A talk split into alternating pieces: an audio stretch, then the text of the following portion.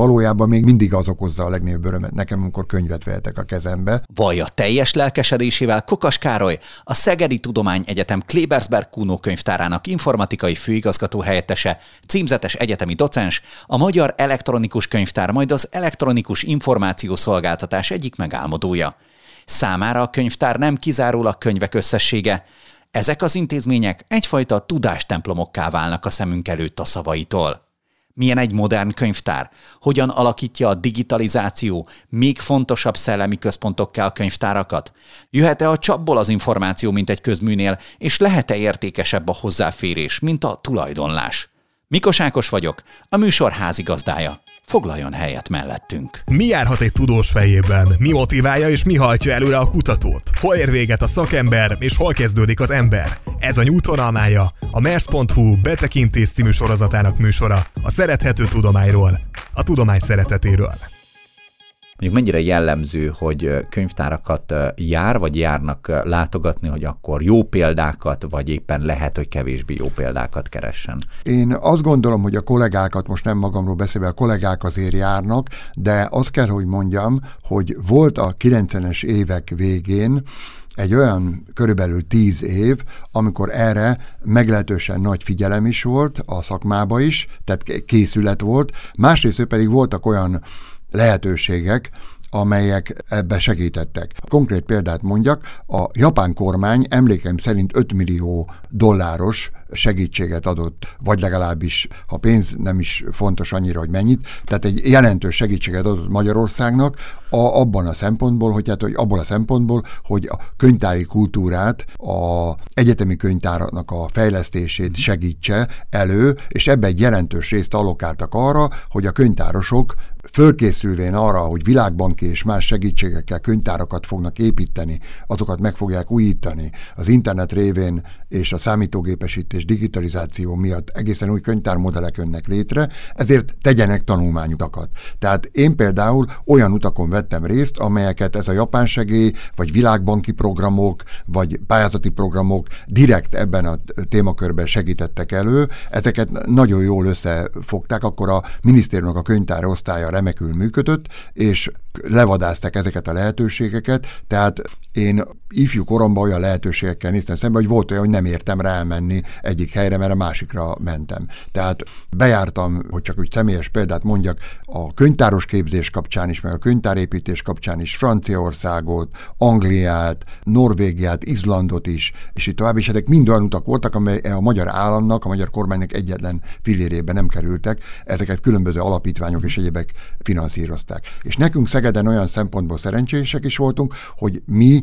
tűkön nőve vártuk egy könyvtár elgépítésének lehetőségét, és amikor ezt a baromi sok tapasztalatot megszereztük, akkor pont elénk került ez a lehetőség. És így szerencsés módon, mert azért ezt így nem lehet kitalálni előre, meg megtervezni, pont belefutottunk abba, hogy tényleg elég felkészült volt a társág tapasztalatokba arról, hogy láttunk és hallottunk mindent, kollégákkal beszéltünk a világ minden részén, azok elmondták, hogy mit ne és mit igen, úgyhogy amikor az építészekkel leültünk, akik remek építészek voltak, de könyvtárt még nem épít, építettek, akkor az a vízió, amit elmondtunk nekik, az őket annyira megérintette, hogy mi annyira tudjuk, hogy mit akarunk csinálni, hogy annyira együtt dolgoztak velünk, hogy amikor a Szegedi Egyetemi Könyvtár megépült, akkor a Szántó Mikó tervező iroda vezetői, azok biztosan nyugodtan mondhatom, hogy tiszteletbeli könyvtárossá váltak, mert annyira megtanulták a könyvtárat velünk együtt, annyira meg akarták érteni a könyvtárat, hogy bevethető könyvtárosként dolgozhattak volna akár nálunk egy csomó helyen, mert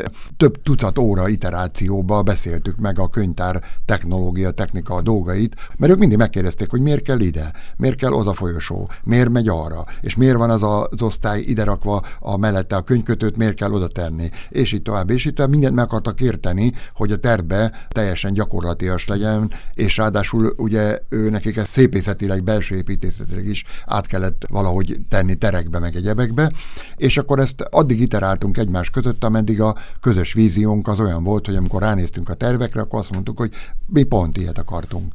És ez azért mondom, mert azért én láttam Magyarországon olyan könyvtárat, ahol a Zépítész mondjuk kitalálta, hogy űrrakéta alakú legyen a jövő könyvtára, és azt megalkotta, és az űrrakéta tetején a jövő legyen, tehát a gyermekkönyvtár mondjuk, ez egy kitalált példa persze, de nem akarok senkit megbántani, hogy konkrét példát mondjak, szóval a gyerekkönyvtár legyen a tetején az űrrakétának, mert ott a jövő arra száguld a csillagokba, és mondjuk például arra nem gondolt az illető, aki ezt tervezte, hogy mit csinál majd az a pedagógus, aki megérkezik 20 darab gyerekkel, és 10 ember fér bele a liftbe, és egyedül van. Ha tized be a liftbe, akkor leugranak a gyerekek fölülről a karzatról, ha nincs velük. Ha nem marad lent a többiekkel, akkor megőrítik a felnőtteket addig, ameddig várják a liftet, még visszajön. Szóval magyarán ilyesmi kiderültek, de a vízió az remek volt, mm. tehát hogy űrrakéta alakú könyvtárba a jövő a gyerekeké. Csak azt, hogy ez hogy működik a gyakorlatban.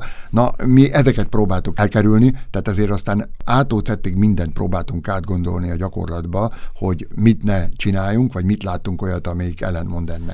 Ha lehet, akkor én már is behoznám a könyvét, amiről mm, ugye, vagy aminek örvén ma beszélgetünk, mert hát ugye szó esik ugyan róla, de hát hogy nem csak erről van szó, és hát hogy ide itt a modern könyvtárak világába kalauzol el minket, és a könyv ugye egy időutazás víziójával kezdődik, ugye Casanova időutazásának víziójával, és ezért, hogyha lehet, akkor rögtön az elején egy hasonló játékra hívnám önt, méghozzá, hogyha a 24 éves Kokas Károly, a Jatek könyvtárosa most a jelenlegi munkahelyén az STE egyetemi könyvtárában találná magán, min lepődne meg leginkább? A számítógépen abszolút meglepődnék, tehát akkor, amikor én könyvtáros lettem, akkor abban a pillanatban az, hogy a számítógépnek a könyvtárhoz köze lehet, vagy köze volna, ez nagyon távolinak tűnt. Bár érdekes módon, majd erre is lehet, hogy kitérünk, a Szegedi Egyetem könyvtárba 1977 óta, tehát az én könyvtárba érkezésem előtt hat évvel már megindult a gépesítés, de nem úgy, ahogy ma gondolják ezt, ez egy külön terület, hogy ez miért is valósult így meg, de ennek ellenére, tehát a, a könyvtárban lévő rengeteg számítógép lepődnék meg, akkor biztosan meglepődnék azon, hogy, hát, hogy mindenki elővesz egy kütyüt a zsebéből, és azt bámulja, és néha könyvtári dolgokat is csinál láthatóan rajta. Tehát nem csak telefonál vele, hanem mondjuk láthatnék egy olyasmit mondjuk például, ami akkor skifibe illő látvány, hogy a mi könyvtár katalógusunk az olyan, hogyha valaki előveszi a telefonját és a katalógusban rákeres egy könyvre, akkor az kijelzi, hogy a könyves polcon hol van és a, mármint az olvasóterembe. Ezért aztán lehetne látni olyat, hogy valaki kezébe veszi a telefonját, keres valamit, rábámul a térképre láthatóan, és a térkép alapján elindul és számolja a polcokat, és oda vezeti, mint egy navigátor. Ezt, ezt biztosan elképedve bámultam volna, meg azt a hatalmas teret, ami van, mert abba a könyvtárban be én elmentem, abba töredéke mennyiségű tér volt és könyv. A könyvtárba kezdetben én voltam a az olvasótermi felügyelő egy jó darabig, egyedül akkora volt a tér, hogy egyedül felügyelhető volt, és emlékszem rá, hogy az egész könyvtárnak, az olvasótermi térnek 35 ezer kötet volt a kirakott könyvek mennyisége az olvasóterembe, és ez elég nagynak számított. Na most 450 ezernél tartunk most, a szabadpolcos állomány, és az ehhez való tér. Hát ez biztosan elképedve bámulnám. Van olyan, ha nem is csak ezen változások között, hanem a változások között ezt az időszakot felölelve, ami, ami azt gondolja, hogy talán egy kicsit sajnálatosabb irányba indult el, és van -e olyan, ami meg nagyon szuper, és hát hogy a legnagyobb lelkesedéssel tekint rá? Azt talán, hogy a régebbi könyvtárba, a, és ez nem a könyvtár problémája, hanem a képzés megváltozása. Azon az egyetemen, amelyiken én elkezdtem kezdeni a könyvtári szolgálatomat, az még egy elit egyetem volt. A, lehet ezt sajnálatosnak is mondani abból a szempontból, hiszen akkor a magyar ifjúságnak a 3%-a járhatott tudományegyetemre például. Azt is mondhatnám, hogy hát, hogy a ma a könyvtárba és az egyetemen mozgó 10 hallgatóból, sőt, azt mondom 30 hallgatóból egy vagy kettő volt azon az egyetemen. Ne felejtsük el, hogy a, egyrészt kevesebb egyetem volt, másrészt a József Attila Tudományegyetemen, a, mondjuk a bölcsészkaron konkrétan 590-en jártak akkoriba. Na most fénykorába, most már nem, de fénykorába ezelőtt 10 évvel ezelőtt 6000 körül volt, 5600 vagy 6000 körül volt a tízszer annyi bölcsészhallgató volt uh-huh. a bölcsészkaron. És ebből kifolyólag a mellette lévő könyvtárba is. Na most ez nyilvánvalóan azt jelenti, hogy a az én ifjúságomnak a hármas és négyes tanulói, akik elképzelhetetlenek lettek volna, hogy az egyetem közelébe kerülnek, azok most tömegével járnak egyetemre.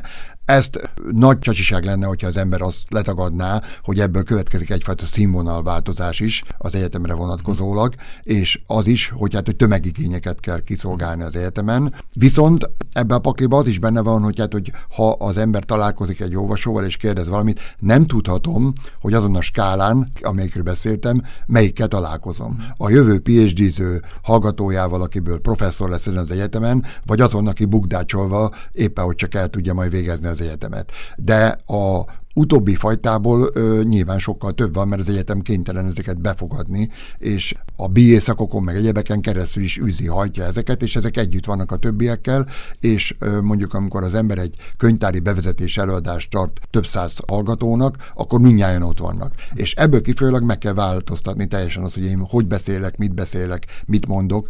Most én most a tanár szerepről beszélek, mint amit egy elit egyetemi kultúrába lehetett használni. Tehát ez, ez, ez egy nagyon megváltozott megváltozott dolog. De ez, ezt én nem csak negatívumként mondanám egyértelműen, mert az meg, hogy a társadalomban a felsőoktatásban részesülőknek az aránya sokkal nagyobb lett, és nem csak az elit kultúrában van felsőoktatással képzett ember, ez meg egy nagyon fontos társadalmi jelenség nyilván.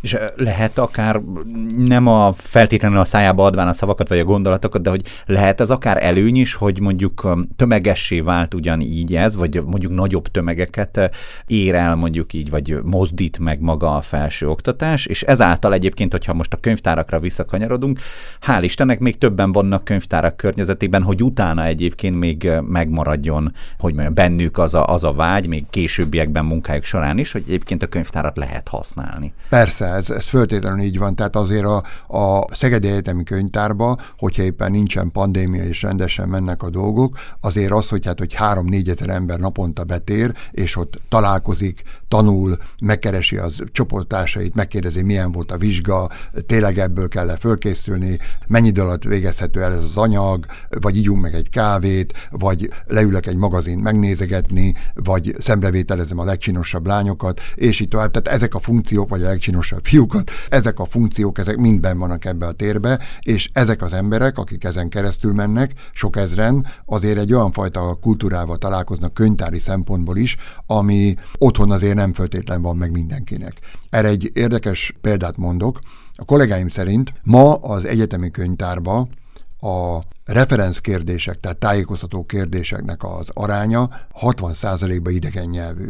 Erre, tehát angolul kell kommunikálni a kollégáknak. Erre valaki azt mondaná, hogy úristen, már Szegedi Egyetemen 60% a hallgatóknak ezek szerint külföldi. Nem, a nagyon-nagyon kicsi kisebbség a hallgatóknak külföldi, csak ők egy más kultúrába jöttek, például Németországból, Amerikából, vagy Angliából, vagy bárhonnan máshonnan Európából, és ott a könyvtári szocializációjuk más, mint a magyar gyerekeké. Tehát Magyarországon még a könyvtári szocializáció mindig nem tartott, hogy az átlag hallgató úgy képzelje, hogy a könyvtárba éli az életét, és onnan megy el tanulni. A magyar hallgatók sokasága bejár a könyvtárba kölcsönözni, és haza cipeli magával a könyvet, jellemző módon azt is, amiből tíz oldalt kell elolvasni. És nagyon sokszor mosolygunk rajta, vagy néha bosszant is bennünket, hogy milyen marhaság már az, amikor három darab 800 oldalas könyvet hazacipel valaki a kollégiumba, a hátizsákjába, amikor én, mert olyan szakos voltam, mint ő, tudom, hogy ebből összesen 30 oldalt kell elolvasni, ha most leülne, és egy órát vele töltene az olvasóterembe, és kiegyzetelne, akkor túl lenne rajta, és az egész cipelés, kölcsönzés, visszahozás, zsíros kenyérrel leesszük a kollégiumba, hova tetted a könyvemet, elvitte valaki, nem találom, késedelmi díj. Tehát erről a hete utáról megmenekülne. Egy német hallgató, sok német hallgató van nálunk az orvosi egyetemen, soha nem tenne ilyet. Tehát az soha nem viszi ki. Az az anatómia posztnál ott ül, orvos hallgatóként, és ott tanul a többiekkel. És ő tudja, hogy a munkaidő este neki tízkor lejár, vagy kilenckor, vagy amikor befejezés, ott vége, és elmegy bulizni, sörözni, és kész. De a, amikor órája van, akkor elmegy a könyvtárból, nagyon sokan ott hagyják a holmiukat. Tehát eh, reggel bemennek a könyvtárba, lepakolnak, elkezdenek tanulni, ránéznek az órájukra, órán van, ott hagyom a tudszomat, még gyakran kis papírt is ráraknak, hogy ne pakolja el, jövök vissza, és akkor az órára jön vissza.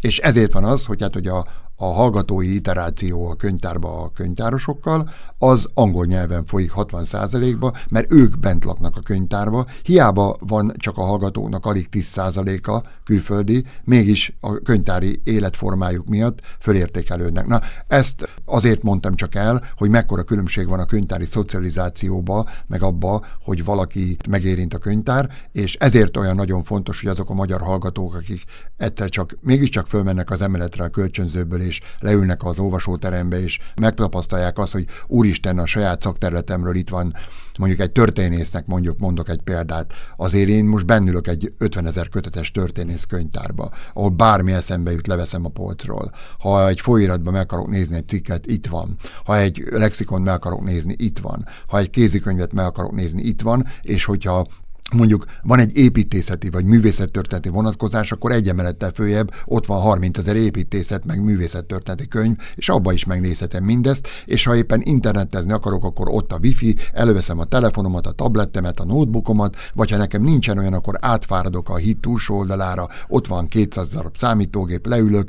és akkor korszerű, nagy teljesítményű gépeken elinternetezgetek, letölthetem, megnézhetem. Tehát ezt, ha valaki megtapasztalja, akkor, akkor ő is olyanokká válik, mint a németek németek, hogy rájön arra, idézőjelben mondom a németeket, mert ők, ő rájuk jellemző ez a könyvtárhasználat talán legintenzívebben nálunk, meg ők vannak legtöbben. Olyanak leszünk, mint ők, ahogy a könyvtárban szeretünk lakni. Uh-huh. Ott az a dolgozó szobánk. Ráadásul ez egy izgalmas területet megnyit, amit hogyha lehet, és ez lesz majd a közösségi tér, egyáltalán mint könyvtár közösségi tér, talán nem olyan népszerű felfogása vagy megközelés, vagy legalábbis ritkán van előtérben ez. Ezt most egy kicsit azért raknám félre, mert itt most egyrészt többször felkerült, másrészt már mint a, a, az internet fogalma többször felkerült, másrészt ugye pont ön is megnevezte, hogy talán a számítógépeken lepődne meg legjobban, hogyha Igen. így vissza kellene tekinteni, és hát hogyha az ugye, hát kétségtelen, hogy az internet megjelenése egy elég komoly paradigmaváltást okozott így a könyvtári szakmán belül is, hogyha már emlegette is, ugye az 1977-es év került annyiban előtérbe, hogy Szegeden már onnantól volt akár számítógép, de hát még akkor még internet sem nagyon jött elő. Ez meg már az előzetes beszélgetéseink során szóba került, ön lépcsőfokra lépcsőfokra haladt a könyvtáros szakmán belül, és így a Szegedi Tudományegyetem, hát akkor még Jate, és később Szegedi Tudományegyetemen belül, mert hogy könyvtárosként kezdte, és akkor így szépen eh, lépdelt előre.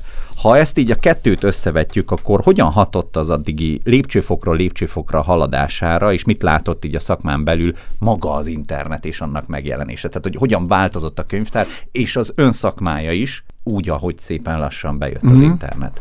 Valójában, amikor a kiadótól ezt a kérést megkaptam, hogy, hát, hogy egy ilyen könyvet írjak, akkor a szerkesztő asszonynal arról beszélgettünk, hogy célszerű megtalálni azt a tájékozódási pontot, azt a lényeges pontot, ami köré az egész könyvet föl lehet építeni, mert egy ilyen kis könyvet, egy ilyen kis könyvet, amelyik a bevallottan nem nagyon magas tudományos színvonalon akarja tárgyalni a kérdést, mint egy nagyon korszerű szakkönyv, hanem szélesebb tömegekhez akar szólni, meg eljutni. Szóval kell talán egy ilyen pontot. És én azt a pontot próbáltam megragadni a könyvtárosságba, hogy nyugodtan mondhatom, hogy több ezer év után érte a könyvtárat egy olyan sok, ami mindent megváltoztatott. Bizonyos szempontból azt mondhatnám, hogy, és ez talán meglepő lesz, a, aki hallgatja vagy nézi ezt a műsort, ez az állítás, de tudom igazolni, és el is tudom talán fogadtatni, hogy még a, a kézírásos kódex korszakról a nyomtatott könyvekre való átállás sem rendítette meg ilyen fokon, és változtatta meg a könyvtárat, mint ez a változás. Tudni, nem csak egy változásról van szó, arról, hogy számítógépes hálózat érte el a könyvtárat, hanem ezzel párzamosan történt egy másik, ezzel összekapcsolódó dolog, ez pedig a digitalizáció.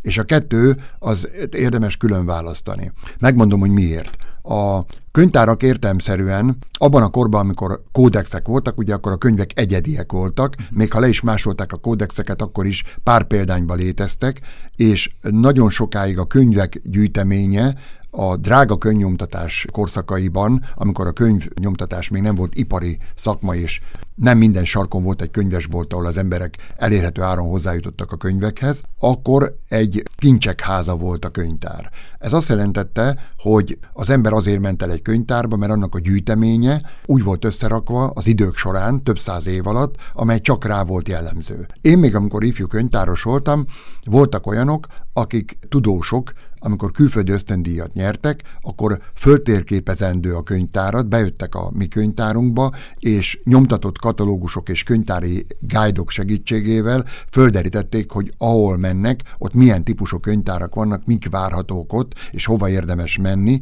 milyen könyvtárakba, mert a könyvtárakat ilyen kincses házakként jellemezhették, tehát ez egy nagyon fontos dolog volt, hogy az ember eljut egy könyvtárba. Most képzeljük el azt, hogy abban a pillanatban, hogyha ezek a könyvtárak a könyvvagyonunknak egy jelentős részét, vagy akár az egészet elkezdik bedigitalizálni, és ezáltal korlátlan példányszámba létrehozni, virtuális példányszámba létrehozni, plusz bejön a hálózat, a hálózat révén ezeket a digitális állományokat bárki bárhonnan elérheti, innentől kezdve egyrészt meg lehet azt csinálni, hogyha mondjuk egy nyerek a lottón két milliárd forintot, akkor bugatról létrehozok egy könyvtárat, és az csak digitális állomány tartalmaz, de mégis oda jár majd mindenki, mert nála mindjárt lesz elérhető az ég a világon minden, ugye ebbe digitalizálva.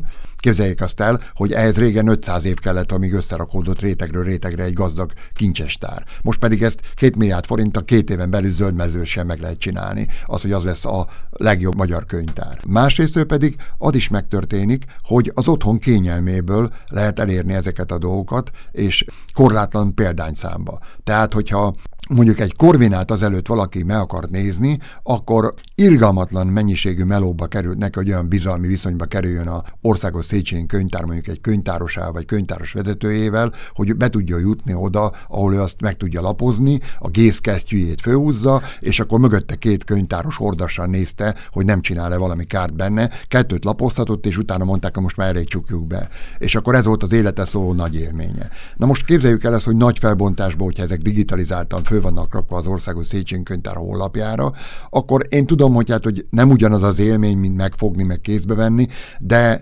kinagyítani az egyes iniciálékat a nagy képernyőn a mai felbontások mellett valójában jobban látom, mintha ott lennék. És ha éjjel kettőkor jut eszembe, hogy megnézem a nem tudom milyen kódexet, akkor éjjel kettőkor ezt megtehetem ezt. És az országos Széchenyi könyvtár szervere az dübörög éjjel, dübörög nappal, és hogyha éppen kaliforniai társasutazáson veszek részt, és ott akarom folytatni a kódexemet, amit két nappal ezelőtt Szegeden kezdtem nézegetni, akkor ott, ott nézem tovább akár. Tehát ez maga a hálózat, a mindenhol jelen valóság, és a, a kincsnek a megszűnése, tehát az egyedi darabnak a megszűnése, ez olyan perspektívába helyezte a könyvtárakat, amely le is rombolt egy csomó mindent, ami az előtt nem volt, sőt azt is megváltoztatta, és ez a negatív része a dolognak, hogy a társadalomban sok helyen ki is alakult egy olyan érzés, Amerikában például volt egy olyan korszak, a Clinton kormánynak a, az internettel való találkozásokor Al Gore, aki egyébként egy zseniális és okos ember volt, ő hitte azt nagyon sokáig az amerikai kormányprogramba, hogy a, a könyvtárak helyett internet szuperstrádára van szükség. A szuperstráda meg is épült, de úgy gondolta, hogy valójában az interneten kell létrehozni a könyvtárakat. És ilyen ekkor Amerikában több ezer könyvtárat megszüntettek és felszámoltak azzal, hogy nem lesz rájuk szükség, mert most már az emberek online olvasnak, online használnak mindent. Ezek kicsit azóta már megváltozott, de Magyarországon is kialakult ez, és gyakran találkozni egy ilyennel, hogy ma már nem olyan abszurd, ha valaki megfogalmazza azt, hogy, hát, hogy miért is van szükség könyvtárakat pénzzel tömni, amikor a mai világban az interneten minden információ megvan, mondja valaki erre. Ugye e, ez úgy feltételezem, hogy egy nagy újra definiálást hozott maga így után, van, így van. de mégis talán annyit, hogy mielőtt eljutnánk ide az újra definiálásig, itt lehet különbséget tenni a között, hogy ugye a könyvtárak vonatkozásában ritkán merül fel bennünk, mert hát úgy vagyunk vele, mondom én azt, aki mondjuk esetleg, ha nincs a könyvtárak világában, hogy hát könyvtár, könyvtár, pedig azért van a közkönyvtár, az úgynevezett közkönyvtár, és egy egyetemi könyvtár között is különbség, és talán az utóbbi vonatkozásában az interneten és a digitalizációval együtt mondjuk nagyobb létjogosultsága van, vagy hát hogy mondjam, létjogosultsága Persze. lehet. Persze, hát azért a változások elvileg együtt hatnak a könyvtáros szakmára, de ez teljesen világos, és ez semmiféle értelemben nem szeretném hátrányos színbe feltüntetni a közkönyvtárakat ebbe, ezen a területen, vagy a régebben mondták a közművelési könyvtárakat, a közkönyvtár egyébként a mai helyes kifejezés erre, hanem egyszerűen ők alkalmazkodnak az olvasóikhoz. Nyilvánvaló, hogy az egyetemen egy csomó tudományterületen már ott tart a szakirodalmazás, hogy egy kémikusnak, matematikusnak, fizikusnak, biológusnak, hogy csak néhány szakmát mondjak, vagy egy orvosnak, annak tényleg nincsen szüksége arra, hogy bejárkáljon a könyvtárba, mert azok az elektronikus információ források számára a könyvtár által előfizetetten, rendezetten szolgáltatva vannak, nem az interneten van meg úgy általában véve, mert ugye láttam én már olyat, akinek akkor esett le a tantusz, amikor egyszer csak elment valahova, és akkor a kedvenc internetes újságjait lapozgatni akarta, és rájött arra, hogy hoppá, ez tótkomlóson nem működik ez az egész, akkor ez hogy is van? Mert ugye, ha valaki egyetemi közegben mozog, és nem foglalkozik ezzel a témával, akkor nézése vagy folyik a csapból. Ingyen. Az egyik csapból kakaó folyik, a másikból kávé folyik, biztos ez az összes többi házba is így van. Nem, nincsen így, ez azért van, mert elő valaki fizeti. Tehát, ahogy szokták mondani, nincs ingyen leves, meg nincs ingyen ebéd, tehát ezt elő kell fizetni, meg szakmailag föl kell dolgozni, föl kell tárni, katalógusba kell rendezni, és így tovább. Na most ez persze máshogy, de az egyetemen belül is van egy csomó olyan tudományterület, ami máshogy és lassabban fejlődik. Egy középkorász számára ez már nem így van például. Ő például még mindig nem ér el mindent az interneten, számítógépes rendszerekbe, bár sok mindent elér, de nem mindent ér el, és egy csomó klasszikus szakterület számára nem olyan, mint a természettudomány. Világos, hogy a közkönyvtárakba betérők azok mást akarnak és máshogy. Ők is akarnak internetes forrásokat, de ők azért könyvtárost akarnak, könyvtárat akarnak, könyveket akarnak fogni a kezükbe, és erre mondanék egy példát az, az utazásaimból, ami eklatánsan mutatja azt, hogy, hát, hogy, hogy nem minden pap sajta, hogy szokták mondani ezen a területen se. Egy picike bálnavadász városka, Akureyrinek hívják Izlandon, és arról volt nevezetes, hogy az elektronikus automatizált könyvkölcsönzésbe ők nagyon előreadott állapotban vannak, tehát az olvasó bemegy a könyvtárba, és az RFID-val ellátott, tehát rádiófrekvenciás címkével ellátott könyvet leveszi a polcról, oda megy egy készülékhez, berakja, oda előveszi az olvasói kártyát, ami szintén ilyen rádiófrekvenciás, berakja a készülékbe, megjelenik egy monitoron, mit kell csinálni, nyomja meg a piros gombot, nyomja meg a két gombot, önnek ennyi könyve van, ennyit kölcsönözhet, ekkora kell visszahoznia, köszönjük, hogy meglátogatta a könyvtárunkat, mehet Isten hírével, a ruhatára földszinten van. Elmentünk oda megtekinteni ezt a csodát, majd mindjárt kiderül, hogy miért toldottam be ezt ide. És látunk két készüléket, ami le van takarva, az egyik az működik, a másik kettő le van takarva. Mondjuk a könyvtárosnak, hogy elromlottak a készülékek, nem működnek automat. Nem, nem az a helyzet, a készülékek jól működnek. De hát akkor mi a baj velük? Hát az olyan újságban is olvastuk, hogy ma, már milyen modernek és itt automatikus a kölcsönzés. Hát az, hogy az olvasók nem szívesen használják, vagy nem mindegyik, hanem ragaszkodtak ahhoz, hogy, hát, hogy a könyvtárossal akarnak ők. Hát, és mi, miért? Hát mert megkérdeznék, hogy tetette ezt olvasni jó-e, van-e hasonló, amit ajánlana, vagy ö, egyáltalán mi a véleménye erről, ismeri ezt az írót, vagy, vagy egyáltalán jó szót szólni, egyet, egyet olyat, hogy, hát, hogy ugye milyen hideg van most kint, vagy milyen szél fújt, vagy hogy Takurejrében, ahogy mindig mondják, a, az öbölbe beúszott egy bálna és fújt, hallotta-e már, mert ott ez a fő téma mindig Akurejrébe, hogy a bálna beúszik a fjordba, és fúj egyet, és akkor az nagy szenzáció, és a könyvtárban nyilván ezt meg lehet beszélni. Na most a monitornak ezt hogy mondjam el? Tehát van egy ilyen emberi oldala is a dolognak, ezzel is számolni kell. És én szerintem uh-huh. a közkönyvtárba ez a fajta funkció, ez a fajta közösségi kapcsolódás a könyvtároshoz, az emberi beszédhez, meg az emberi találkozásokhoz, ez mindig igény marad. Ezért is van az, hogy, hát, hogy az internet, a számítógép és a wifi és minden őrület, ami ilyen értelemben akár elemberteleníti ezeket a könyvtárosi kapcsolatokat, ez nem szárnyal annyira, mert az emberek nem erre vágynak, nem azért mennek oda a könyvtárba. Kalauz a modern könyvtárak világába. A szerző dr. Kokas Károly utazásra hívja önt és meghökkentő kijelentésekkel avat be a digitalizálódó könyvtárak világába.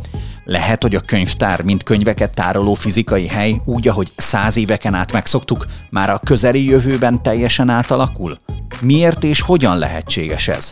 A Mers.hu-n elérhető könyvből kiderül, hogy a könyvtár, az olvasás, a tudomány, az ismeretszerzés helyeként egy sokkal komplexebb kiszolgálása képes világban ébred új életre. Csak egy valami nem változik ebben, az egész folyamat mögött álló, azt inicializáló szakember, a könyvtáros elkötelezettsége. A szerző ezt az átalakulási folyamatot mutatja be a múltból a jövőbe vezető időutazásra invitálva. Oda térnék át, hogyha lehet, hogy a digitalizálásnak is szentelt ugye egy fejezetet, és itt ugye szó volt erről. Igen. Nagyon fontosan szóba is került, és ugye a kulturális örökség megőrzésének kulcsaként emlegeti, mármint a digitalizálást, amennyiben a tárolást és a használatot megsínylő dokumentumról beszélünk, ugye. Itt most olyan dokumentumokról van szó, mint a korvinákat is emlegettük, és úgy, úgy általában, amelyekhez nem biztos, hogy minden a nap minden pillanatában könnyű lenne hozzáférni, most azonban mégis megtörténik. Ez a digitalizációnak is van egyébként egy történeti íve, amely szintén lefedheti, hogyha már itt internetről is beszéltünk, szintén lefedheti az ön jó néhány évét, ami a könyvtár világában elter. Erre könnyű visszaemlékezni, hogy ebben is volt akkora ugrás, vagy akkora változás, mint ami az internetet, internet vonatkozásában életbe lépett a könyvtáraknál? Persze. Igen, igen. A kérdés teljesen jogos. Annál is inkább, mert a két folyamat a számítógép fejlődésével együtt, a számítás technikai fejlődéssel együtt egy időbe zajlott. És ezért az ember hajlamos arra, hogy a kettőt teljesen összekapcsolja, és össze is keverje, de kettőnek más hatása van, és mint mondtam az előbb, a digitalizált dokumentum valójában az életünket úgy változtatja meg, hogyha hálózatra kerül. Ez az első dolog az, hogy digitalizál van, az csak egy dolog, de kettő, akkor lesz bele igazán nagy mondás, hogyha ez a hálózaton elérhetővé válik. Na most valójában a folyamat elején, a 80-as években, amikor a számítógépek a 80-as évek végén megérkeztek a könyvtárakba, és az első szkennerek is föltűntek, akkor nyilvánvalóan tanulási folyamat volt. Mindenki digitalizálgatott, meg próbálgatott ilyesmiket, de itt egy óriási áttörést jelentettek azok az eszközök később, amelyek megjelenve tömeges digitalizálást is lehetővé tettek. Majd mindjárt ezt egy kicsit illusztrálni akarom, hogy mit is értünk ez alatt.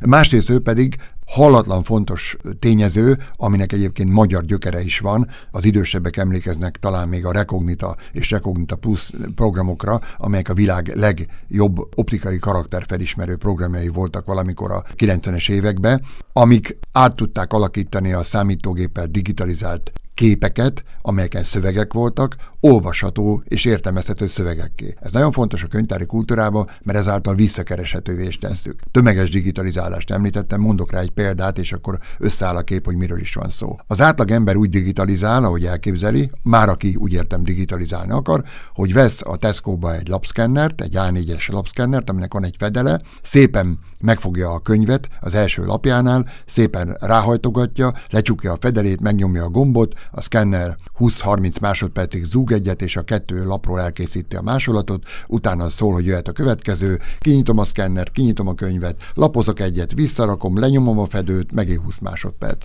Na most így, ha valaki nagyon szorgalmas és levegőt se vesz közbe, és a mellékhelyiségbe sem megy ki, akkor egy fél nap alatt egy jókai regényt szorgalmas munkával el tud készíteni, de ez még csak fotók sokasága, tehát egy jókai regény, ha mondjuk 600 oldalas, akkor ez 300 dupla oldalas fotót készít el, és ezt még akkor utogondozni, feldolgozni kell. Na most mi a tömeges feldolgozás? A tömeges feldolgozás az olyan, hogy mondjuk azt mondjuk, hogy a Szegedi Dél-Magyarország című napilapot digitalizálni akarjuk. Ez A3-as méretű, tehát a normál géppapírnak a dupla mérete, minimum, vagy annál is egy picit nagyobb, mikor, hogy. Ezek a könyvtárakba be vannak kötve ezek, mégpedig úgy, hogy nagyjából, hogy fél évad, fél év folyam van egyetlen egy kötegbe, ez olyan körülbelül olyan 8-10 cm vastagságú hatalmas köteget képzeljenek el, akkor át, hogy mint egy asztal meg lehetne rajta reggelizni, akkor egy ilyen tudsz. És ezek a polcokon vannak. Na most, hogyha azt mondjuk, hogy digitalizáljuk a Dél-Magyarországot, ma ez a következőképpen néz ki. Fogja a könyvkötő, és óvatos munkával szétbontja a bekötött oldalt, és egy vágógéppel a ragasztott felületét vékonyan levágja. Ezáltal keletkezik mondjuk a könyvtáros kezébe, aki digitalizál, mondjuk 1500 oldalnyi, két oldalas, nagy méretre vágott Dél-Magyarország sorba rendezve. Oda megy a digitalizáló masinához, annak a labbehúzó részére behelyezi a tárcára ezt a tömeget, így, és megnyom egy gombot, ezáltal az automata elkezdi laponként behúzogatni a lapokat, és fölőre áttenni egy másik tárcába, a könyvtáros pedig elmegy és főz egy kávét magának. Amire a kávéval készen van, körülbelül visszajön, akkora már a könyvkötőtől rakhatja be másik 1500 oldalat, mert ez az 1500 oldal be van olvasva a számítógépbe, és Estére, hogyha jól dolgozik, akkor mondjuk 6-7 ezer oldalt így megcsinált. Éjszaka pedig a számítógép ráereszti az optikai karakterfelismerő programot, az felismeri rajta betűket, felismeri a cikkeket, reklámokat külön, ezeket részletesen elkülöníti, hogy részben fel is dolgozza ezáltal, és 99,5%-os pontossággal felismeri a rajta lévő szöveget. Ez azt jelenti, hogy reggelre előáll az a két rétegű PDF fájl, az a két rétegű képfájl, ami képként tartalmazza az újságnak alapját, úgy, ahogy azt látjuk és nézhető, másrészt meg rajta fölöttel felismert, átalakított, szövegi átalakított újságoldal. És ez megy utána adatbázisba, és ez válik visszakereshetővé. Na most a, nem tudom, hogy sikerült érzékeltetni a kettő közötti tempóbeli különbséget azért. Igen. Igen, viszont az van bennem, és nem tudom, hogy releváns-e így a kérdés, csak a léptékeket próbálom jól felfogni, vagy remélhetőleg próbáljuk jól felfogni, hogyha ez mondjuk ilyen jellegű ugrást jelentett sebességben, mint a munkasebességben, ez lépést tud-e tartani, az egyébként tartalomban is érkező sebességben, mert hát, hogy ugye, hogy mondjam, régebben is volt gondolom egy könyv mennyiség, vagy dokumentum mennyiség, vagy egyben akkor nevezük dokumentum mennyiségben, ami megjelent, ami beérkezett egy könyvtárban, de valahogy úgy sejtem, hogy 2021-re ez már többszörösévé vált a beérkező tartalom mennyiség, és hogy ezzel a digitalizáció fejlődése és munkasebessége, vagy akár a könyvtáros lét is lépést tud-e tartani? Azért tud lépést tartani, mert közben az objektumok maguk is digitális digitálisan keletkeznek. Tehát a, az elmúlt 20 évben, vagy 30 évben már a könyvkiadástól kezdve, a könyvkiadóktól kezdve az újságokig is, azok is mind elektronikusan készülnek, ezáltal tulajdonképpen hozzá is lehet ehhez jutni, sőt a tudományvilágában egyre gyakoribb, hogy papír alapon az egyes szakfolyiratok már nem is jelennek meg uh-huh. egyáltalán. Hogy ezt érzékeltessem egy egyetemi könyvtár világából, amikor én kezdő könyvtáros voltam, akkor az egyetemi könyvtárban, a Szegedi Egyetemi Könyvtárban körülbelül 1500 periódikum, így mondjuk, tehát napi lapfolyóirat és heti lap volt előfizetve, 1500. Ez egy egész jelentős mennyiség volt. Egy nagyon gazdag könyvtárat mondok, az Eidgenössische Technische Hochschule, ez így biztosan idegesítően hat. Ez az a Zürich Egyetem, ahol Einstein a fizika tanszéket vezette, a svájci legmagasabb szintű műegyetem, a mi műegyetemünknek a megfelelője, ez egy nagyon gazdag hely Zürichbe. Tehát apai anyaival el van látva. Amikor én a 90-es években ott tanulmányoztam őket, akkor náluk 14 ezer folyirat volt előfizetve. Na most azt képzeljék el, hogy mai világban, a Szegedi Egyetemünk könyvtárban az összes előfizetett periódikum, adatbázis és egyebek digitálisan, amik elő vannak fizetve online elérhetőségre, azok inkább közel vannak a százezeres számhoz, mint távol, tehát 80-100 közötti ingadozásban vannak ezek. Ez azt jelenti, hogy, és nem csak azért van ez így, mert ennyit növekedett a kiadott folyiratok meg szaktudományi adatbázisoknak a száma, hanem azt jelenti, hogy ennyire kommerszé vált, ennyire közönségessé vált, hogy elő lehet ezekre fizetni. Azért, mert rengeteg szolgáltató gyűjtötte be ezeket, és ezekre tartalmakra elő lehet fizetni. Ezért is az a példa, amit, amit mondtam, hogyha én alapítanék egy könyvtárat. Saját magam, és a zöldmezős beruházásként hoznám létre a mai digitális világba, akkor tulajdonképpen azt is mondhatnám, hogyha megveszem a jó szakembereket, van nekem egy üvegpalotám, ahol sok számítógépem van, és jóval hűtve, és jó sok mindenre elő tudok fizetni a világba, akkor létre tudom mozni ezt a könyvtárat nagyon-nagyon nagy sebességgel. Erre mondtam, hogy nem kell 500 év, hogy összegyűjjön a gyűjtemény. Ezt. Tehát ez innentől kezdve gyakorlatilag pénzkérdés. Tehát egy, egy olyan gazdag egyetem, amelyik elő tud fizetni nagyon sok mindenre, az az olvasóinak nagyon-nagyon sok mindent tud nyújtani, de hangsúlyozom, ez nem azonos azzal, ami az interneten van, ez az internetre merőleges tartalom, hogy úgy mondjam. Uh-huh. Tehát ez egy olyan tartalom, amiért drága pénzeket kell fizetni, hogy nagyjából világosá tegyem ezt, az országok azok körülbelül nagyobb részt nemzeti konzorciumokba fizetnek elő, azért, mert egyszerűen olcsóbb úgy megvenni. Tehát ha nem minden egyetemi könyvtár egyenként fizetget elő, össze-vissza, hanem összeállnak ezek egy nemzeti konzorciumba, akkor ezeknek az eladóknak, akik a piacon árulják a tartalmaikat, sokkal jobb ajánlatot tudnak tenni, olcsóbb árat tudnak így elérni együttesen. Magyarország körülbelül az, hogy minden magyar egyetemi könyvtárba és nagyobb közkönyvtárakba elérhető internetes tartalmak vannak különböző mértékben persze, meg különböző félék. Ez Magyarországnak körülbelül évente olyan 4 milliárd forintjába kerül. Tehát 4 milliárdos az a tartalma, amit előfizetünk összességébe körülbelül.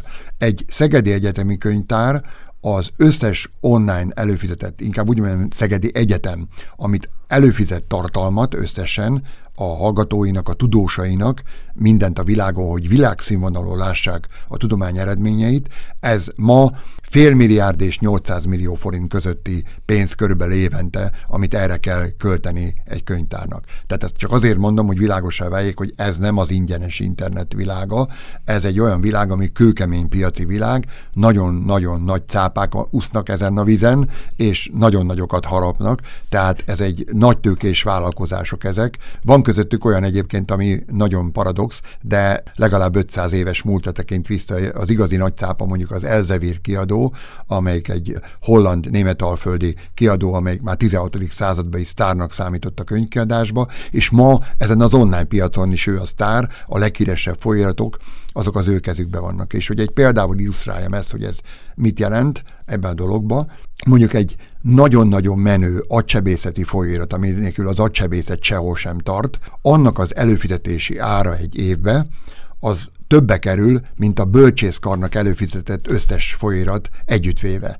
egyetlen egy folyóirat. Tehát egyetlen egy agysebészeti folyóirat előfizetési ára akár többe kerülhet, mint a bölcsészkarnak előfizetett összes nekik fontos folyóirat akár. Tehát miért? Azért, mert a bölcsészeti folyóiratoknak az ára az nem olyan magas, viszont ezek a nagyon magas tudományos kvalitású folyóiratok, ezek horribilis árakba kerülhetnek akár bent. Tehát így aztán, hogyha egy grafikonon ábrázolnánk a bekerülését, az, hogy miket fizetünk elő online, akkor egy nagyon laposan tartana a grafikon az elején, mert az átlag cuccok azok olcsók valójában sokáig, és akkor utána a végén írtozatosan megemeli a kasszát az, hogy az igazán nagy vadak, amikre elő kell fizetni, azok aztán milliókba kerülnek. Mondjuk ez akkor jól alátámasztja azt, hogy ugye az előbb úgy emlegettük, hogy nincs otthon csap kakaóval és, és levessel, de akkor, hogy is mondjam, a, a könyökcső vagy az elosztó úgy, mint a könyvtár, az, az tulajdonképpen adott, és hát ott a csapott helyben jó megnyitni, vagy akkor ott, ott könnyű lehet akár? Hát a mai olvasók azért ezt már nagyon nehezen fogadják el, hogy a csapok csak a könyvtárban nyílnak Aha. meg, ezért aztán alkalmazunk olyan trükköket, alkalmaznunk kell, és el is kell fogadtatni a piaci szereplőkkel, mert nyilván ők meg védik a tartalmukat. Tehát ők azt szeretnék, hogyha én az Elzevértől veszek egy folyóiratot, akkor meg kell szent esküvéssel esküdnöm, hogy én azt nem adom ám oda valakinek, csak úgy általvéve. Tehát nem rakhatom én azt ki az internetet, tehát ezt őrizni, védeni kell az egészet. Na most viszont az olvasók meg azt mondják, hogy hát hogy az otthonnak a kényelme, az, hogy hát, hogy én főleg pandémia, hogy mennék én be a könyvtárba, ott meg fogom kapni a fertőzést, tehát szolgáltassanak nekem. Ezért aztán van egy csomó olyan számítógépes trükk, aminek a segítségével a beiratkozott olvasóinknak, azoknak, akik egyetemi polgárok, azoknak akkor is oda tudjuk adni a tartalmat, akár, hogyha távol vannak.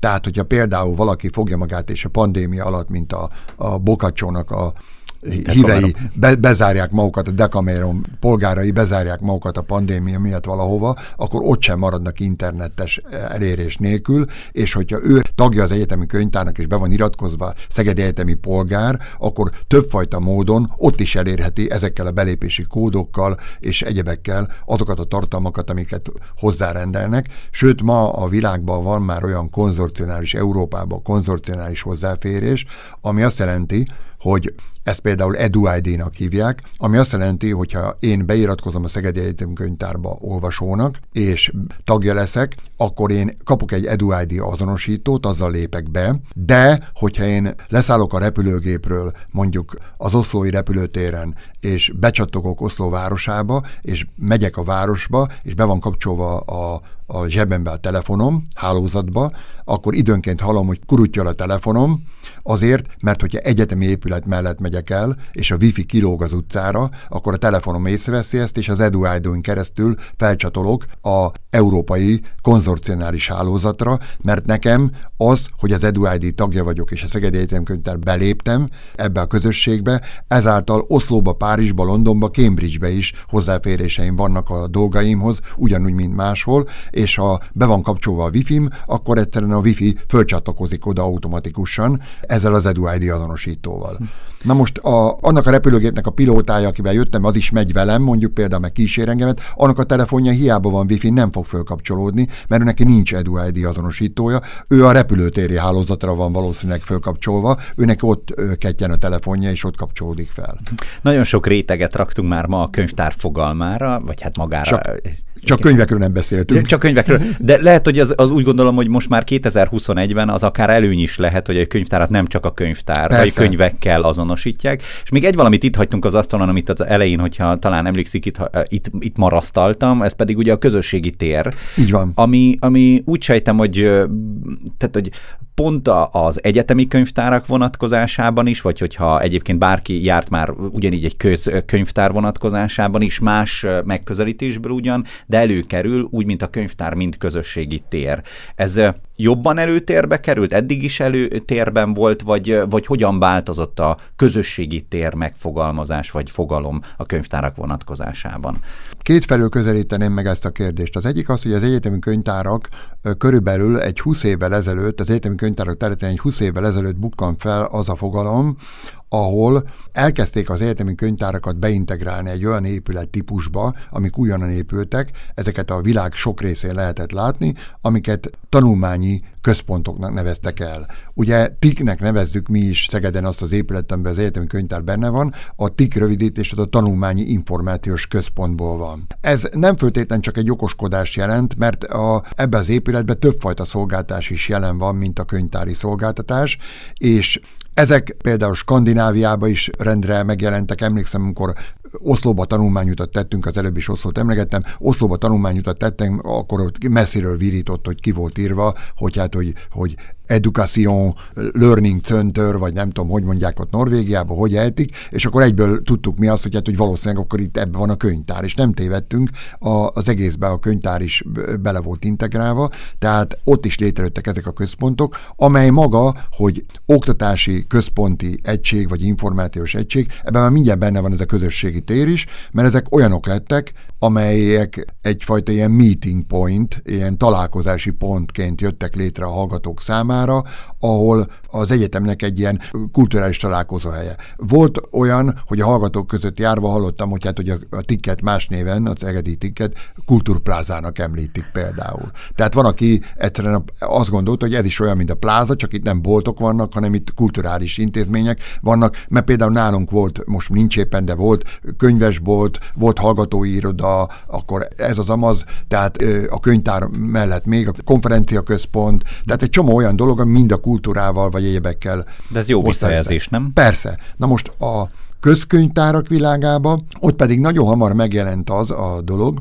hogy a közkönyvtárak rárepültek arra a szociológiai megállapításra, hogy ugye a szociológusok azt mondták, hogy hát, hogy van a, legfontosabb dolog, ami a világba vonzerőt gyakorol az otthonon és a munkáján kívül a földi halandóra, az az úgynevezett harmadik tér. Tehát melyik az a harmadik tér, ami az emberbe olyan nyomot hagy, hogy ott szeret legjobban lenni, hogyha nem otthon van, és nem a munkáján, ahol ugye normális ember ugye ideje egy részét otthon tölti, ideje nagyon nagy részét pedig a munkáján tölti. A kettő között hol van? Általában össze-vissza van, vagy valami egy olyan tér, ahol szeret lenni, ami multifunkcionális és többfajta feladatot is el tud látni. A könyvtárak, a közkönyvtárak erre rárepültek, és próbáltak ezt megszervezni, annál is inkább, mert rájöttek arra, hogy egy csomó olyan igény merült fel az emberekbe, amelyeket senki nem tudta, hogy hogy kell kielégíteni. Mondok rá egy egyszerű példát, szegedi példát erre. A könyvtár például észreveszi azt, hogy bejelenti a kormány sorra, hogy ügyfélkapu nyílik. Azt kell használni. Utána az ügyfélkapun keresztül bejelentkezve lehet ügyeket intézni. Utána az ügyfélkap bejelentkezve lehet már adózni is és evidenciának veszi mindenki, hogy ezeket az emberek úgy tudják, hogy, hogy kell ezt csinálni. Na most egyrészt sajnálatos módon még mindig nem igazán tanítják ezeket az iskolába, tehát könyörgöm, hát van 40 évnyi ember, a 20-tól mondjuk a 60 éves korig, hogy tovább ne is menjek, akik nem is tanulhatták volna ezt az iskolában, mert akkor jött létre, amikor ők már nem jártak semmilyen iskolába. És akkor ott van az rengeteg embertől, meg amelyik ott gyűrögeti a kalapját, a, meg a kesztyűjét a kezébe egy kormányablaknál, és akkor nézegeti, hogy most mit kéne ki itt csinálni, amikor ez már online van, már se lehet menni valahova, nem egy üvegablakhoz kell odaállni, hanem azt mondják neki, egy számítógépen intézze el. És akkor rárepül erre a könyvtár, és akkor azt mondja, hogy tanfolyamot hirdetek ebbe, hogy intézzük pénzügyeinket, hogy intézzük adóbevallásunkat, hogy intézzük ezt, azt, azt, vagy egyáltalán hogyan igazoljunk el az online világba. Aztán akkor itt vannak a hagyományos dolgok, író-olvasó találkozók, könyvekről Aztán akkor vannak olyan könyvtárak, ilyen szempontból egész extrémek is vannak Skandináviába, ahol aztán ezt kiterjesztették odáig, hogy, hát, hogy, hogy varroda van a könyvtárba, ahol be lehet menni, megvarni ö, azt, amit az ember meg akar varni, akkor gyermek megőrzőtől kezdve az ég a világon minden. Tehát vannak ebben szélsőséges területek is, amik nekem nem föltétlenül szimpatikusak akár, tehát azt gondolom, hogy azért nem mindent kell a könyvtárnak ellátni, de például a Szegedi Somogyi Könyvtár ő például rettenetesen sok olyan funkciót talált meg a világba, amire úgy gondolja, hogy az embereknek közösségileg segíteni kell, és ezek olyan kulturális tartalmak, amik passzolnak egy könyvtárnak. Nyilván házat építő tanfolyamot és betonkeverési tanfolyamot nem tartanak. De olyanokat, hogy hát, hogy számítógép előtt ülve mit kell, hogy kell csinálni, ez adódott, hiszen a könyvtárakban ilyen számítógépes kabinetszerű jószágok, ahol 20-30 gép van, azok összegyűltek, és ott kezdettől fogva már az internet hajnalán kezdték az internet tanítást, hogy hogy kell használni az internetet. Bizony olyan is volt, én emlékszem rá, sok könyvtárban láttam, hogy hogyan levelezzünk például. Uh-huh. Ugye jött az idős olvasó, aki azt mondja, kisunokámmal Amerikában szeretnék levelezni, mondja, hogy számítógépen keresztül lehet. Na most tetszik tudni, én már megvettem a notebookot, itt van a kezembe, tudom is használni, de ez a levelezés, ez hogy van, ezt nem értem. És akkor csak annyi kell, hogy meg kell mondani, böngésző, Google, meg kell csinálni a gmail-es accountot, és akkor így kell, úgy kell, és akkor a tíz embernek egyszerre magyarázzák, akkor tíz idős ember hazamegy boldoga, hogy tud levelezni, és elmeséli a nyugdíjas klubba, hogy a Somogyi könyvtárba, vagy bármelyik másik közösségi könyvtárba, közkönyvtárba ezt remekül csinálják, és ott lehet menni ilyen tanfolyamot tartani. Tehát ezeknek a száma a tudatlanságunk valójában, és ha magunkban nézünk, akkor baromi sok olyan dolog van, amit jó lenne, ha valaki megtanítana nekünk, elmehetnénk. Mi, mi fiatalabbak is, akik már ebben nőtünk bele, egy csomó dolgot nem tudunk pontosan, hogy hogy megy. Jó, reülünk két óra alatt, kiizzadjuk, kitaláljuk, szentségelünk közben, nyomkodjuk a gombot, eldobjuk az egeret és dühöngünk. De valójában tulajdonképpen tök jó lenne beülnünk egy könyvtárba, és negyed óra alatt valaki elmondaná, hogy hogy kell csinálni, úgyhogy ott ülünk egy gép előtt, próbálkozunk, és ő közben kivetíti azt, hogy ő hogy csinálja. Két kérdés még nagyon szeretnék feltenni. Igen. Az egyik, hát mondjuk úgy, hogy személyesebb. 83 óta kifejezetten csak könyvtárakkal foglalkozik, és ma már ezt egész sokszor pedzegettük, mégis 83 óta mi az, ami még mindig megdobogtatja a könyvtárakkal kapcsolatosan a szívét? Még a mai napig is. Hol a romantikája önben? Ez jó kérdés. A én egy irodában dolgozom a könyvtárba, és a munkám az menedzser jellegű. Tehát ugye 130 munkatársunk van, naponta több ezer olvasó bejön, a könyvtárban egy osztályszerkezet van, van 10 darab osztály, vannak csoportok, ez egy ilyen vállati szint, azt képzeljék el. Tehát az én munkám, mint igazgató helyettesnek, főigazgató helyettesnek, az sokszor ugyanolyan típusú, mint bármely más vállati vezetőnek, rengeteg problémát meg kell oldani, bázott, venni kell, meg kell csináltatni, határidők, pályázat, ilyesmi jellegű dolgok. És közben, amikor elfáradok, akkor én úgy pihenek, hogy fogom, bemegyek az olvasóterembe, keresek magamnak egy olyan helyet az olvasóterembe, ahol egy olyan téma van, amit szeretek, és akkor úgy megnézegetem a könyveket, kezembe veszek egy-két könyvet, leellenőrzem, hogy mik vannak, amiket úgy olvasok, hallok, azok ott vannak-e már, és ezeket akkor nem a számítógépen nézegetem, nem a számítógépet használom, a valóságból oda megyek, és azt élvezem, hogy egy 450 ezer kötetes szabadpoltos állományba amikor kisétálok a szobámból, akkor van két percem, hogy eldöntsem, hogy most ez művészettörténet fele, irodalomtörténet fele, filozófia fele, vallás fele, vagy angol irodalom, vagy francia irodalom fele vezet az utam, és akkor azt a negyed órát, amit egy kicsit lazítok, egy kicsit mászkálok, azt a könyvek között tölthetem. Tehát valójában még mindig az okozza a legnagyobb örömet nekem, amikor könyvet vehetek a kezembe. Az otthonomban is vagy 7000 kötet könyvünk van, úgyhogy körbe vagyunk poltozva, és ott is gyakran lehet engem látni látni a családom körébe, hogy hát, hogy állok egy széken, és a könyvespolcon ágaskodva valamilyen könyvet keresek és könyvet nézek. Ez már nekem gyerekkorom óta így van. Tehát én az kisgyerekkorom óta szerettem könyvtárba járni, és ez a dolog, hogy az információkhoz így hozzá lehet jutni, vagy hogy a könyvek finom tapintásúak, szépek és jó vannak megcsinálva, ez engem még mindig nagyon vonz. Minden kutató életében eljön a perc, amikor fejen találja nyújtonalmája. Hogyan jön a heuréka pillanat? Erre adnak választ vendégeink a nyújtonalmája műsorában. A tudomány embereinek motivációit a mers.hu betekintés sorozata segíti önnek megismerni. Többet is mondhatnék ilyet, de hogyha a témánkhoz kapcsolódjunk legjobban, talán, és azt hiszem talán a legnagyobb dolog, ez is egy kis történet lesz, a könyvtárban egy számítógépes kollega áthozott egyszer egy 300 bódos modemet. A 300 bót sebesség az olyan kicsi sebesség, hogy ma már se lehet fordítani. Ezt az azt jelenti, hogy másodpercenként egy-egy betű érkezik meg a terminálra, és szép lassan írogatja ki ezt. Fogalmam se volt, hogy mit akar ezzel kezdeni, mert számítógépen már ugyan dolgoztunk a könyvtárba, de hogy ez a modem, ez miért lenne fontos nekünk, és miért lenne érdekes, ezt ö, el nem tudtam képzelni, ott hevert az íróasztalomon, de mivel én voltam olyan számítógépes ember a könyvtárban, ez a kollega ezt nekem adta ezt a modemet. És elmentünk egy kirándulásra a Gráci könyvtárba, a Gráci Egyetemen könyvtárba, ahol eldicsekedtek azzal, hogy egy nagy számítógépet vettek, és azon kezdtek el katalogizálni a számítógépen, tehát egy kicsit előttünk jártak ebbe, ezen a területen, és nagy büszkén mondták, hogy hetekkel ezelőtt az X25-ös hálózaton keresztül, akkor hallottam először ezt a szót, hogy X25-ös hálózat, ez az európai elődje volt az internetnek, az X25-ös hálózaton keresztül el is érhető távolról is az ő katalógusuk, be lehet oda jelenkezni. És én mondtam, de hát hogyan? Erre egy papírra fölírtak egy, azt hiszem 16 számjegyből álló számot, hogy ez a hívószáma a katalógusuknak, és nem kell semmi belépés. A login csak az, hogy opak, ez az opak szó, ezt már akkor ismertem, ez az Open Public Access Catalog, tehát a nyilvános elérésű közkatalógus, ezt kell beírni. Alig vártam, hogy hazaérjünk a könyvtárba, bekapcsoltam a számítógépet, és életemben először ezt a modemet is üzembe helyeztem, és a modem kezelő programot.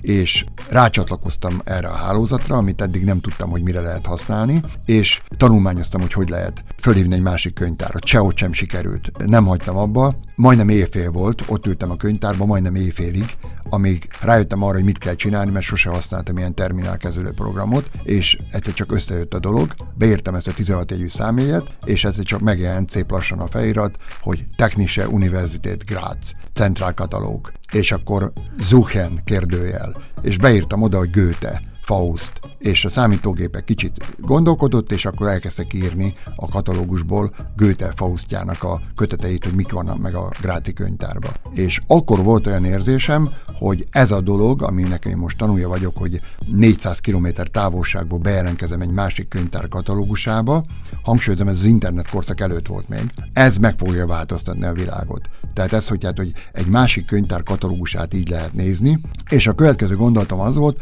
hogy nem nyugszom addig, ameddig a mi könyvtárunk katalógusát Grázból nem tudják ugyanígy megnézni, és alig telt el két-három év, eljutottunk eddig ebbe az állapotba, ennek pedig az alapja az volt, hogy aztán kerekké tegyem a történetet, mert ugye elhangzott a műsorba, elhangzik a műsorba az, hogy 77-től kezdve már volt számítógépesítés a Szegedi könyvtárba. Tudnélik, Kalmár László, aki egy nagyon nevezetes matematikus és kibernetológus volt Szegeden, az fejébe vette azt, hogy hát, hogy a könyvtárat rábeszéli arra, hogy a könyvtár számítógépen rögzítse a katalógus adatait. Ezt akkor még lyukszalagon tette meg a könyvtár és ez egy egyoldalú szerelem volt, tehát szegény könyvtárosok a rábeszélésre előállították a lyukszalagokat, a lyukszalagokat átvitték a kibernetikai laboratóriumba, és senki nem tudta pontosan, hogy mi lesz majd ebből. És amikor ezen nagy élmény után voltam, kollégáimmal és a főnökömmel együtt, akkor fölmerült annak a lehetősége, hogy most menni kellene a kibernetikai laboratóriumba, és azt, amit 6-7 éve már számítógépen rögzítettek lyukszalagon, azt meg kéne próbálni valahogy kelteni.